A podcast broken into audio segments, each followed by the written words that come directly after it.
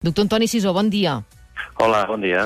Li sembla que n'hi haurà prou amb aquestes noves mesures que ha anunciat el govern de la Generalitat, que encara no estan en vigor, insistim, eh? encara han de rebre l'aval de la justícia, però creu que n'hi haurà prou amb aquestes per rebaixar la corba? Es fa difícil de dir, es fa difícil de predir, perquè eh, una situació com aquesta encara no l'havíem viscut. Quan revisem les corbes, Sí. eh, només que només revisar les dades, jo crec que, i, i és bo que ho diguem, eh, eh, és la corba mm, de més impacte i de més incidència de totes les que hem viscut, traient de la primera, en la que no teníem PCR ni test antigènics i, per tant, no teníem dades, però la corba que estem vivint ara mateix, que és tan vertical, eh, no l'havíem viscuda abans. Um, per tant, es fa difícil de dir si en aquestes mesures serà suficient o caldrà emprendre de més dures. Um, dependrà del que passi en termes de les dades en els aquests propers dies, però no és descartable que puguin ser més dures, sí. Mm. sí, sí. Ah, En tot cas, ara ja fa una setmana, me'n recordo que parlàvem amb vostè, parlàvem també amb la Clara Prats del Biocoms, i ja ens, eh, ens avisaven de la situació molt preocupant que estaven apuntant els indicadors. La Clara Prats parlava d'una paret vertical, eh, que s'enfilava en vertical la, la corba de la pandèmia. Ha passat una setmana, tenim unes mesures aprovades però no aplicades encara. Estem anant tard, una altra vegada, doctor Sissó? Sí, no, de fet nosaltres estàvem avisant. Uh, nosaltres, des de, el que passa és que, esclar, jo també s'entén que a vegades des dels, des, dels propis, des dels propis focus mediàtics doncs es posi això, el focus en les UCIs i hospitals, però nosaltres ja feia dues setmanes o més que estàvem avisant no? de que això no anava bé i, eh, i la prova fefaent és de que veiem cues a les portes dels centres d'atenció primària amb gent amb patologia respiratòria que és el dia de descartar la Covid. Per tant, sí, podríem dir que sí, que, que amb, amb aquesta situació amb aquesta cinquena onada, que, que més que una onada sembla, sembla un tsunami, perquè és, efectivament és una paret, doncs, doncs estem anant tard en aquesta situació. Esperem que no sigui molt tard i veurem en els propers dies si hem d'emprendre encara més mesures més agressives, que podria ser, que podria ben bé ser. Mm. De fet, s'està parlant ja del de, uh, el toc de queda. Ara hem fet una ronda amb tres alcaldes i demanen aquest toc de queda, aquest uh, confinament nocturn per poder controlar millor la mobilitat de la gent. Vostè hi estaria d'acord? Sí, jo, jo, jo hi estaria d'acord. Eh? Jo estaria d'acord. I després també estaria d'acord amb altres aspectes que potser no sé si ahir es van acabar de d'esmentar, amb els que es van esmentar estic d'acord, però amb altres, per exemple, que hem oblidat com el del teletreball. Mm. El teletreball eh, segurament l'hem de normativitzar i reglamentar tots plegats millor, però si hi ha empreses que poden permetre's que els seus treballadors teletreballin, molt millor.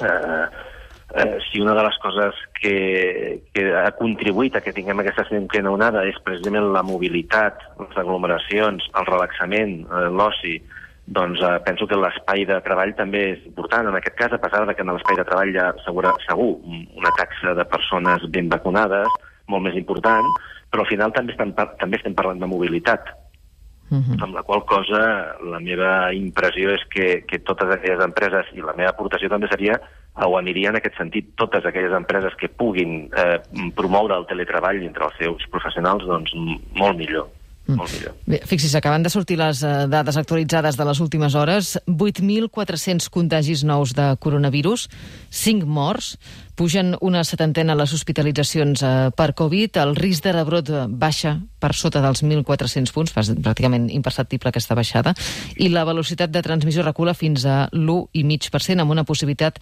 del eh, 18%, positivitat del 18%. Per tant, amb aquestes dades, eh, doctor Sisó, el diagnòstic... Sí, no, el diagnòstic continua sent eh, el que deia el doctor Simón, pèssim. Eh?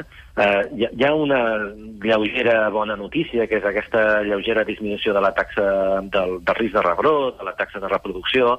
Bueno, al final són artilugis moltes vegades de caràcter numèric, que, que és veritat que són importants, però però aquestes dades que, que vostè acaba d'esmentar, que són molt importants perquè són dades Covid publicades pel Departament de Salut, cal analitzar-les, jo diria, amb més profunditat. Hi ha àrees amb, on l'afectació és molt superior. Si un se'n va a Barcelona ciutat, les àrees, Barcelona ciutat o àrees metropolitanes, àrees, diguem-ne, de caràcter més aviat urbà, aquí les, el grau d'afectació de la pandèmia és, és, és molt superior i, per tant, potser cal emprendre mesures eh, concretes en àrees en les quals hi ha més aglomeració de gent des d'un punt de vista demogràfic mm, hi ha més eh, hi, ha, hi, ha més, hi ha una densitat poblacional molt més alta i per tant també hi ha molta més mobilitat. Recordem que des de sempre sempre hem estat dient que la demografia eh, i la mobilitat són dos factors clau que mm, fan també moure el virus. Per tant, això també són aspectes o variables de, de l'equació que també haurem de controlar. No? I ja dit sigui de pas, ja que moltes vegades ens hem fet eh, aquests propòsits de, de protecció, no? protegim el Nadal, no?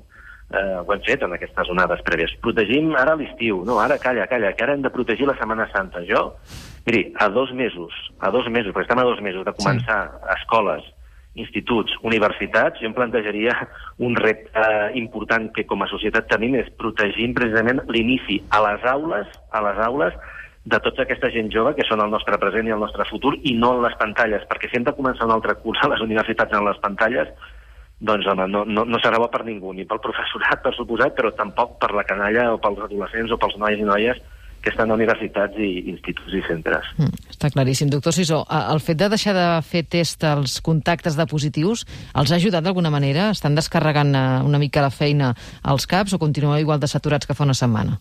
No, això, això s'ha notat. És a dir, això autènticament s'ha notat i, i hem detectat una certa disminució, tot i que això, és clar, això també té, és allò de la balança, també té un contrapès, en el sentit de dir, bueno, també seran casos que deixarem de detectar i, per tant, aquestes dades que s'anuncien del Covid doncs, segurament estaran infraestimant, infraestimant eh, o infradetectant el que estigui passant en realitat. No?